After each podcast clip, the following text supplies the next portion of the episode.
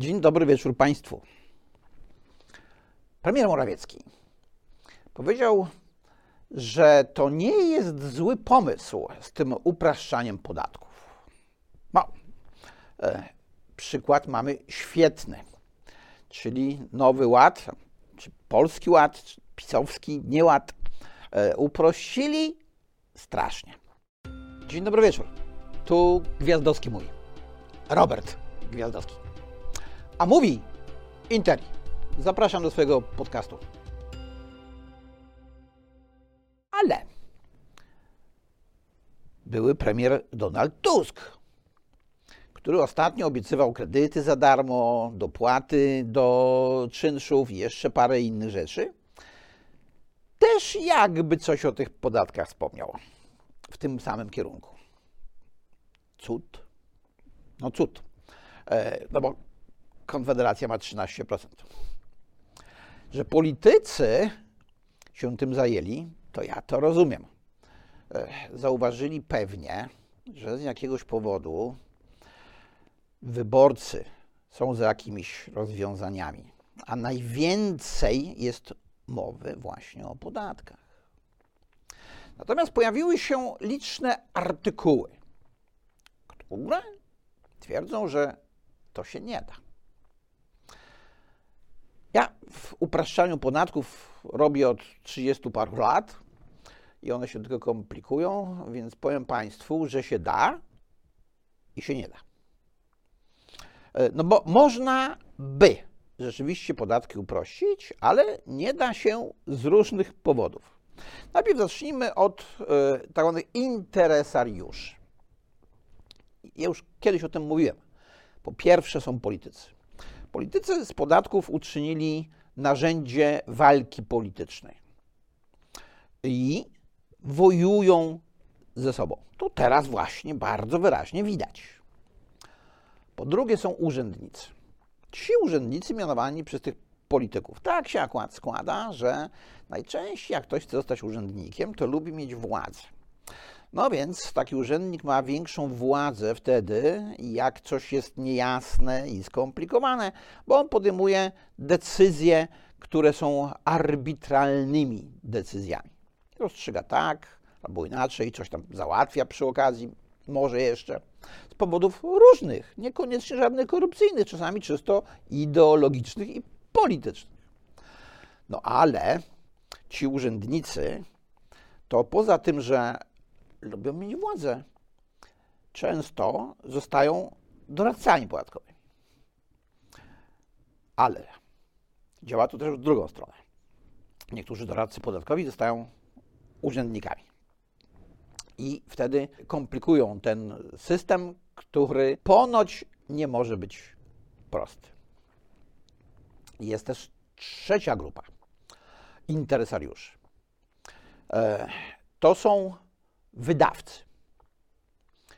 No bo jak spojrzycie Państwo na te książki, które dotyczą podatków i porównacie sobie je z podobnymi książkami, znaczy tak grubych to nie ma, dotyczącymi matematyki albo literatury, to się okaże, że te dotyczące podatków to są znacznie droższe. Mało tego, że są znacznie droższe i je trzeba co roku kupować nowe, bo ten z zeszłego roku się zdezaktualizował.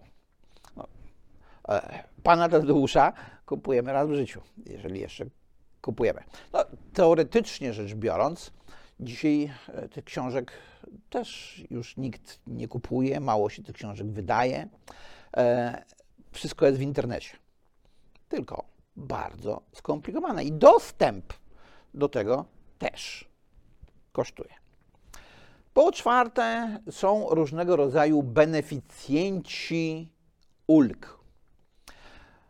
Generalnie to oni uważają, że te podatki powinny być proste. No ale taka jakaś ulga, z której akurat oni korzystają, y, to ich zdanie powinna zostać. No i wreszcie po piąte, są ewidentni przestępcy którzy kręcą wałki na wacie na przykład. Y, znaczy nie na wacie cukrowej, tylko e, na podatku od towarów i usług, wyłudzając ten podatek przez jego skomplikowanie. I dlatego tak trudno cokolwiek zmienić. Ale czy naprawdę nie można? Zacznijmy od najbardziej popularnego podatku dochodowego od osób fizycznych. Najlepszym uproszczeniem byłoby, żeby go zlikwidować. Tak, można sobie wyobrazić, proszę Państwa, system podatkowy, który daje państwu takie same dochody jak dzisiejsze bez podatku dochodowego od osób fizycznych. I to mógłby być rzeczywiście system. Bo system to jest coś spójnego, logicznego, połączonego w jakąś całość. W takim sensie systemu nie mamy. My mamy generalnie rzecz biorąc bałagan. Ale dobra. E, przyjmijmy, że podatek dochodowy musi zostać. No to drugim problemem jest progresja podatkowa. Generalnie w progresję wpada 3% podatników, ale musimy inwigilować 100% podatników, czyli 97 jest inwigilowanych po to, że może któryś z nich jednak wpadnie w tę progresję, przekroczy ten próg podatkowy i będzie można mu nałożyć podatek wyższy. Likwidacja progresji pozwoliłaby pobierać podatek u źródła, tak jak to jest w przypadku podatku dochodowego od zysków kapitałowych. Jak macie Państwo lokatę w banku, e, no to bank Wam wypłaca odsetki, ale pomniejszone o podatek, który odprowadza do Urzędu Skarbowego. Większość osób nawet o tym nie wie. Faktem jest, że przy galopującej inflacji e, ten podatek, zwany podatkiem belki, powoduje, że człowiek e, trzymający pieniądze w banku odnotowuje stratę, no ale niektórzy czują się bezpiecznie dzięki temu, że trzymają pieniądze akurat w banku. Jakby był podatek pobierany u źródła, to zdradzę Państwu tajemnicę. Mogłoby go nie być. No bo po co ten podatek mają płacić podatnicy, ci, którzy dostają te pieniądze, skoro przecież tak jak w przypadku e, banku może go po prostu zapłacić ten, u którego powstaje ten dochód do opodatkowania. I wtedy 28 milionów podatników miałoby święty spokój. Nie musiałoby w ogóle martwić się swoim pitem.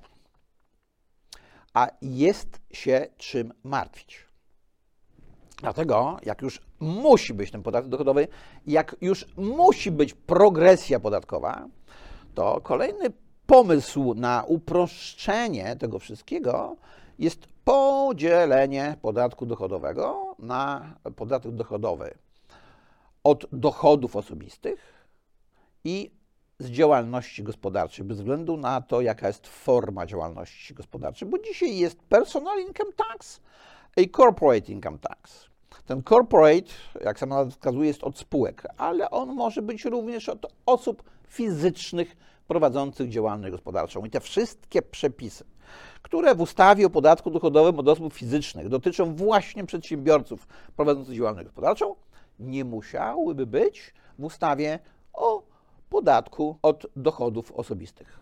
Od wynagrodzenia za pracę, e, od zysków kapitałowych i od różnych operacji, które nie wiedzieć czemu są podatkowane. Klasyczny przykład, proszę Państwa. Otóż tak, e, lekarze, pielęgniarki, strażacy, y, nauczyciele, oni nie muszą znać tych wszystkich przepisów podatkowych, jeżeli nie prowadzą działalności gospodarczej, a zdarzy im się w życiu dokonanie czegoś, co uznane zostanie za podstawę do opodatkowania. Tak było z ofiarami ulgi meldunkowej. Ci przedstawiciele tych zawodów e, to właśnie przykłady ulgowiczów meldunkowych. O tych ulgowiczach meldunkowych też już Państwu opowiadałem. Nieszczęście tych ludzi polegało na niedopełnieniu obowiązku administracyjnego, czyli powiadomienia Urzędu Skarbowego jeszcze raz o tym, że się było zameldowanym przez 12 miesięcy w mieszkaniu, które chce się sprzedać. No, dlaczego w ogóle jest opodatkowana sprzedaż tego mieszkania? E, to ja nie bardzo wiem, bo człowiek ma mieszkanie i je chce zamienić na samochód. Czy on jakiś dochód ma z tego powodu? Jak sprzeda mieszkanie i kupi samochód? No nie ma. Miał mieszkanie, ma samochód. E, problem polega na tym, że w 1991 roku, gdy uchwalono ustawę o podatku dochodowym, od osób fizycznych trwała e, spekulacja w warunkach dzikiej inflacji, bo to nie było tam 16-17% jak dziś, tylko 600-700% to jest różnica. Więc rzeczywiście y, w momencie, gdy był głód mieszkaniowy, świetnym sposobem było kupowanie y, mieszkań. No ale jak ktoś kupował i sprzedawał drożej, to spekulant, pojęcie czasów komunistycznych, trzeba było zmusić go do trzymania tego mieszkania przez 5 lat i dopiero potem ewentualnie mógłby je sprzedać. Dziś pojawia się problem między innymi pustostanów, bo problem mieszkaniowy jest poza podatkami ważnym temacikiem w kampanii wyborczej. E, kredyty mają być e, na 2% jak chce PiS, na 0% jak chce Platforma, e, a Lewica o kredytach nic nie mówi, ale sama będzie budowała mieszkania. No, zobaczymy, jak będzie budowała mieszkania. Jak, jak państwo się wziąć za budowanie mieszkań, to to skończy się tak, jak budowaniem służby zdrowia. Ale zostawmy. Jesteśmy przy podatkach, a nie przy składkach na ubezpieczenia zdrowotne. E, otóż e, te pustostany biorą się stąd, że jak ludzie mają mieszkanie, które nabyli na przykład w drodze spadku, albo nawet kupili wcześniej niż 5 lat temu, to go nie sprzedają. No bo zapłacą podatek dochodowy od takiej sprzedaży. Więc one są pustostanami zapłacą podatek dochodowy z tego prostego powodu, no, że jak sprzedają przed upływem 5 lat od nabycia, e, no to podatek się należy. I teraz wyobraźcie sobie taką sytuację, że nie wiem, ktoś mieszkanie odziedziczył. To on stoi przez 5 lat. E, puste stoi. No przez strach wpuścić najemcę, jak się weźmie pod uwagę przepisy o ochronie lokatorów. Tak? Więc niektórzy żyją z najmu, ale niektórzy się go boją. Ktoś kupił sobie mieszkanie, ale się zakochał e, w kimś, kto ma też mieszkanie, więc zamieszkali razem, drugie stoi puste, choć mogliby to drugie e, niepotrzebne sprzedać i zrobić z tych pieniędzy jakikolwiek inny użytek. To się naprawdę da uprościć. To nie musi być tak beznadziejnie głupie. E, drugi podatek, o którym już wspomniałem, e, tak zaznaczając, że ktoś może dostać mieszkanie w spadku. No, spadki są e, opodatkowane. Znaczy, Zyta Gilowska, świętej pamięci, zlikwidowała podatek od wdów i sierot. To znaczy, najbliżsi zmarłego nie płacą podatku spadkowego. No i oczywiście niektórzy twierdzą, że to jest strasznie niesprawiedliwe, y, że dzieci nie powinny y, dziedziczyć po rodzicach majątku, to dziedziczenie powinno być mocno podatkowane. E, I tak będzie sprawiedliwiej. No ale dobra, to jest też element walki politycznej. E, póki co tego podatku od najbliższych nie ma. E, ale przepisy są skomplikowane mimo wszystko, z dwóch powodów. Pierwszy to jest taki, że ustawa o podatku od spadków i darowizn tak samo traktuje spadek, jak i darowizn. No i o ile w przypadku spadku, któremu towarzyszy nieszczęście, czyli czyjaś śmierć, trudno jest o optymalizację zobowiązań podatkowych, o tyle w przypadku darowizn rzeczywiście można. Dlatego, e, tak jak w przypadku podatku dochodowego można by było zrobić ustawę o podatku dochodowym e, od dochodów osobistych i od działalności gospodarczej, tak w przypadku podatku od spadków i darowizn można było zrobić ustawę o podatku od spadków i ustawę o podatku od darowizn. E, nie da się, jak już powiedziałem, wykorzystywać śmierci w celach optymalizacji podatkowej, aczkolwiek kiedyś się dawało. Wojtek Kopczuk, taki polski ekonomista wykładający w Stanach, dostał kiedyś antynobla ze swoim kolegą, e, bo oni udowodnili, że na początku XX wieku, w momencie, kiedy były wprowadzane korzystne albo niekorzystne regulacje podatkowe, to wzrastała albo malała dzień przed wejściem tych regulacji e, liczba umierających. E, no tak, e, okazało się, że powód pewnie jest oczywisty. Taki mianowicie, że wtedy ludzie na początku XX wieku to jeszcze najczęściej umierali w domach, a jeżeli nie w domach, tylko gdzieś, to zawsze można było wpisać godzinę śmierci z następnego dnia albo z tego poprzedniego, e, żeby zapłacić mniejszy podatek. Czyli to twierdzenie, że są dwie rzeczy pewne w życiu śmierci podatki, wcale nie jest takie pewne, biorąc pod uwagę te rzeczy, które się kiedyś działy, aczkolwiek no, dziś ten sposób optymalizacji już w grę nie będzie wchodził. Taka ciekawostka jest zresztą z e, relacją podatku dochodowego od osób fizycznych i podatku spadkowego. E, a dokładnie to może nie podatku. Bo Zeta Kilowska nie tylko zwolniła wdowy i sieroty z podatku od e, wdów i sierot, czyli od spadków i darowizn, ale prowadziła jeszcze kilka innych regulacji. E, no i one się nie spodobały następcom. No, wiecie, kto był następcą Zyty Gilowskiej. E, więc te ulgi zaczęto likwidować, ale nie likwidując, bo jakby to wyglądało. E, zaczęto je w różny sposób ograniczać, e, stosując bardzo restrykcyjną wykładnię przepisów. No, Naczelny Sąd Administracyjny tutaj zrobił swoje. Przykład. Umarł emerytowi współmałżonek, albo małżonka.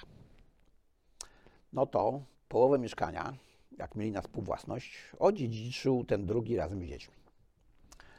E, no i oni nie płacili podatku od spadków, tylko że musieli powiadomić Urząd Skarbowy o czymś, o czym urząd tak wiedział. Tak samo jak w przypadku ofiar ulgi meldunkowej.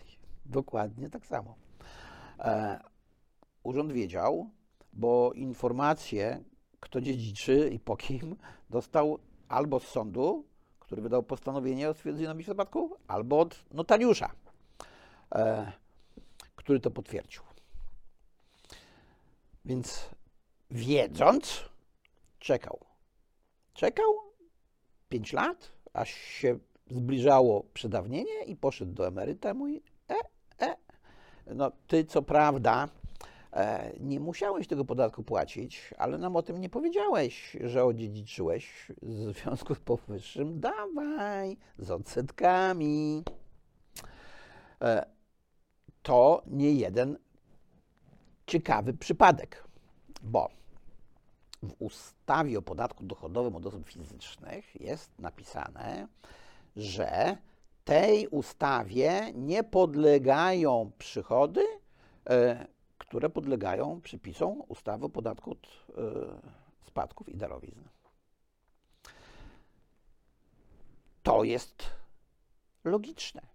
No bo jak już coś odziedziczyłem, to nawet jak jestem zwolniony z podatku od spadków, to to mam. E, to to nie jest dochodem to się stało przychodem w momencie śmierci, czyli otwarcia spadku. Ale nasze sądy administracyjne wymyśliły sobie, że jeżeli sprzedaż drogi wnuczku, czy żono, czy mężu takie mieszkanie, które odziedziczyłeś przed upływem pięciu lat od nabycia, czy od otwarcia spadku, to masz zapłacić podatek dochodowy. No bo co prawda ustawa mówi, że to, co tam odziedziczyłeś, to nie podlega tej ustawie o podatku dochodowym, no ale przecież no nie podlega dziedziczenie, a e, sprzedaż to jest inna czynność. Tak? Takie były wyroki, to jest inna czynność. Potem jak zwrócono sądom uwagę, że podatek od czynności cywilnoprawnych to jest zupełnie co innego, e, to zmieniły czynność na zdarzenie i opodatkowują takie zdarzenia.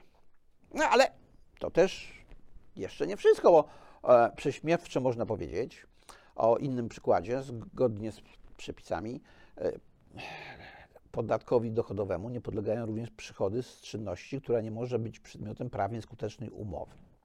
Tak ładnie w języku prawniczym nazywa się prostytucja. No ale tu pojawił się problem, mówiąc y, o tym, że y, no, można mówić, że uprawiało się prostytucję, żeby ukryć przychody z innej nielegalnej działalności, bo prostytucja nielegalna nie jest. E, I proszę Państwa, nawet Naczelny Sąd Administracyjny pochylił się nad ważnym zagadnieniem. Tak? Czy pani, która kupiła sobie mieszkanie za pieniądze od pana, to ona y, wykonywała czynności, które nie mogły być przedmiotem prawnie skutecznej umowy, czy też może nie. E, badano, sędziowie w imieniu Rzeczypospolitej badali ile razy, y, z kim, czy ich nie było za mało. No, dramat. To naprawdę można uprościć. Kolejny podatek, który płacimy wszyscy choć ponoć 20% ludzi twierdzi, że go nie płaci. To jest podatek VAT, czyli od wartości dodanej, a w naszej ustawie od towarów i usług. Ten podatek VAT e, płaci się w cenie. Jak się coś kupuje, to się płaci cenę plus VAT, czyli cenę brutto. Jak ktoś z Państwa robi w jakichś e, e, dużych takich marketach e, zakupy, to tam widzi, że jest cena netto i widzi mniejszymi cyferkami podatek VAT. No ale w klasycznym sklepie, w którym większość Polaków robi zakupy, jest tylko cena brutto. E, ta już z tym podatkiem VAT. No i tu jest e, cała masa problemów te problemy dotyczą zróżnicowania stawek tego podatku.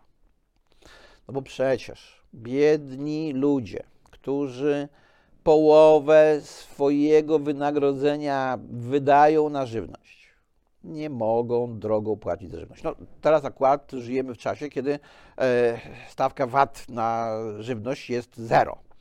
E, ale normalnie to była albo 5 na tą nieprzetworzoną, albo 8, albo 23%.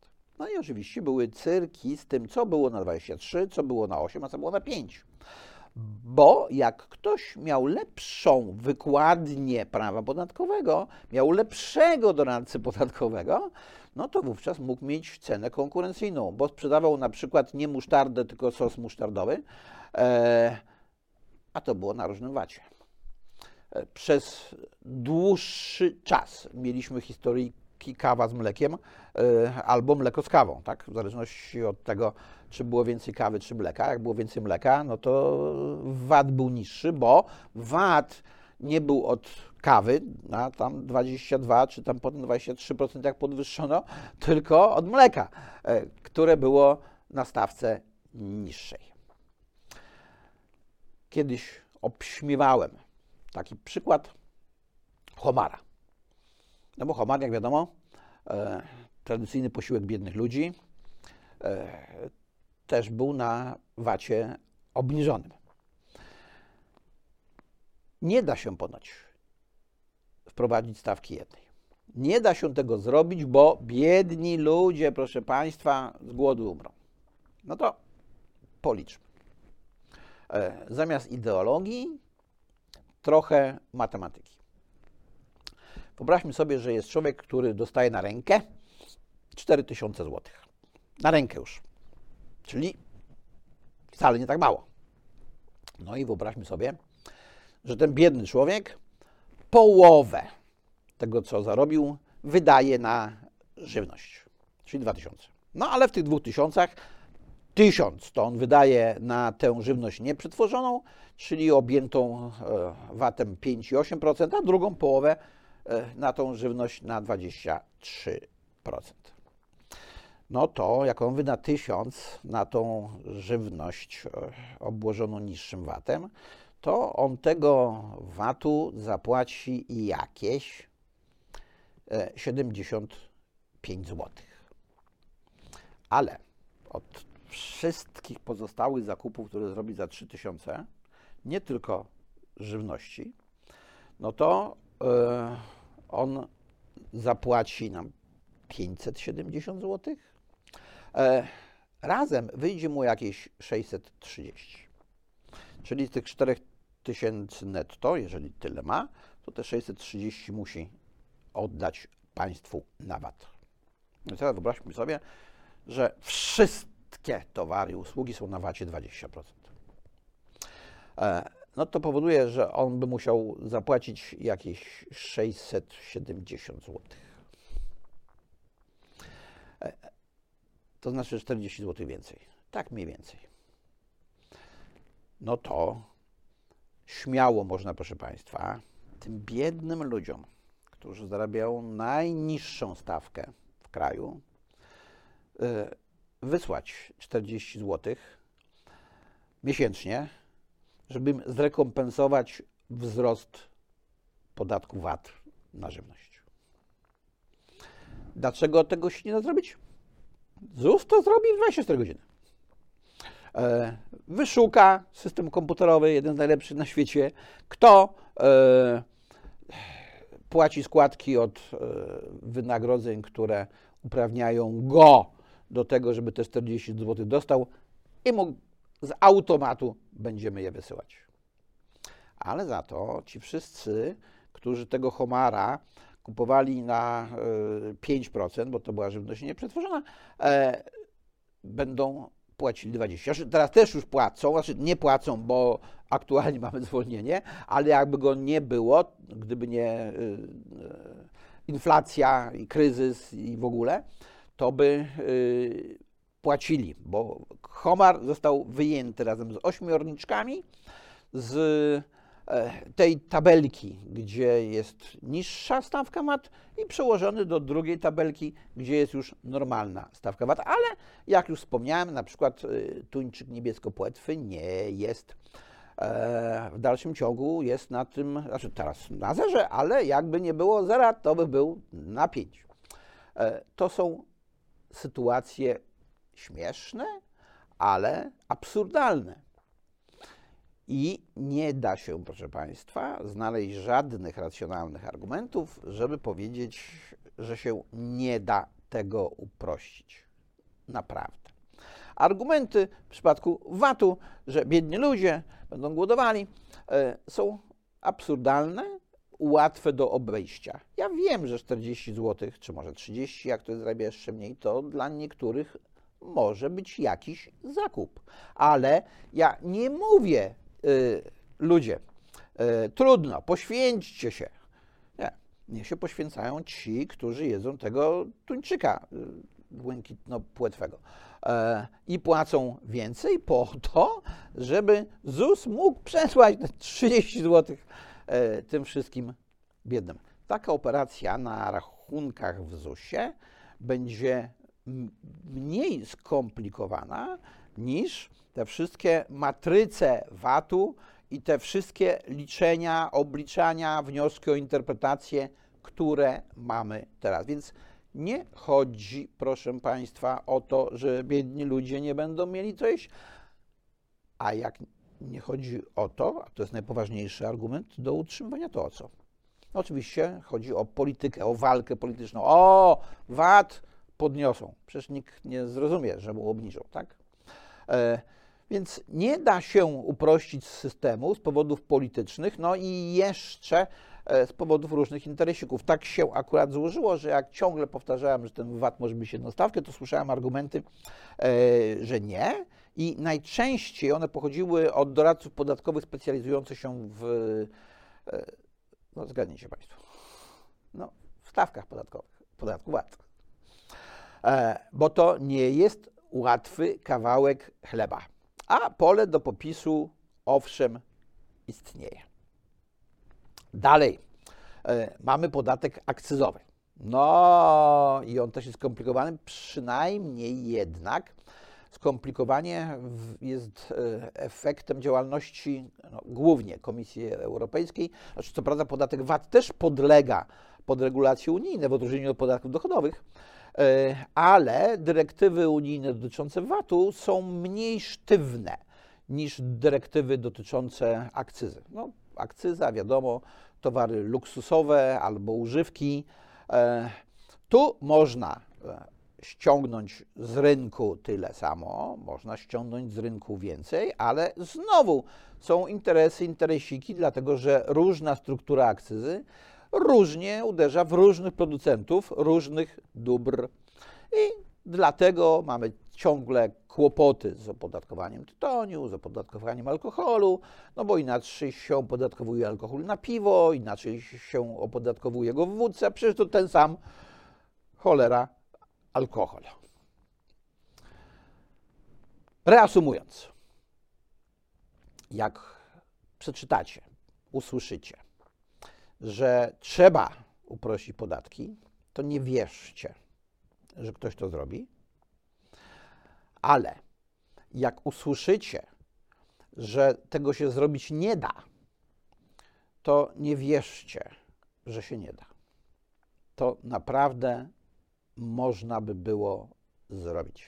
Trzeba tylko odpowiedniego do tego zapału, którego brakuje. No i się może zaraz okazać, że pojawi się kierowane do dziewczyn hasło, żeby mówiły chłopakom: Chcesz upraszczać podatki? Nie idę z tobą do łóżka. Bo się przecież pojawiło takie, że tak mają mówić, e, jakby chłopaki chciały głosować na Konfederację. Na dzisiaj to wszystko i zapraszam za tydzień. Znowu coś ciekawego wymyślę. Do usłyszenia i do zobaczenia. Na dziś to już by było na tyle. Dziękuję bardzo i zapraszam na następny odcinek.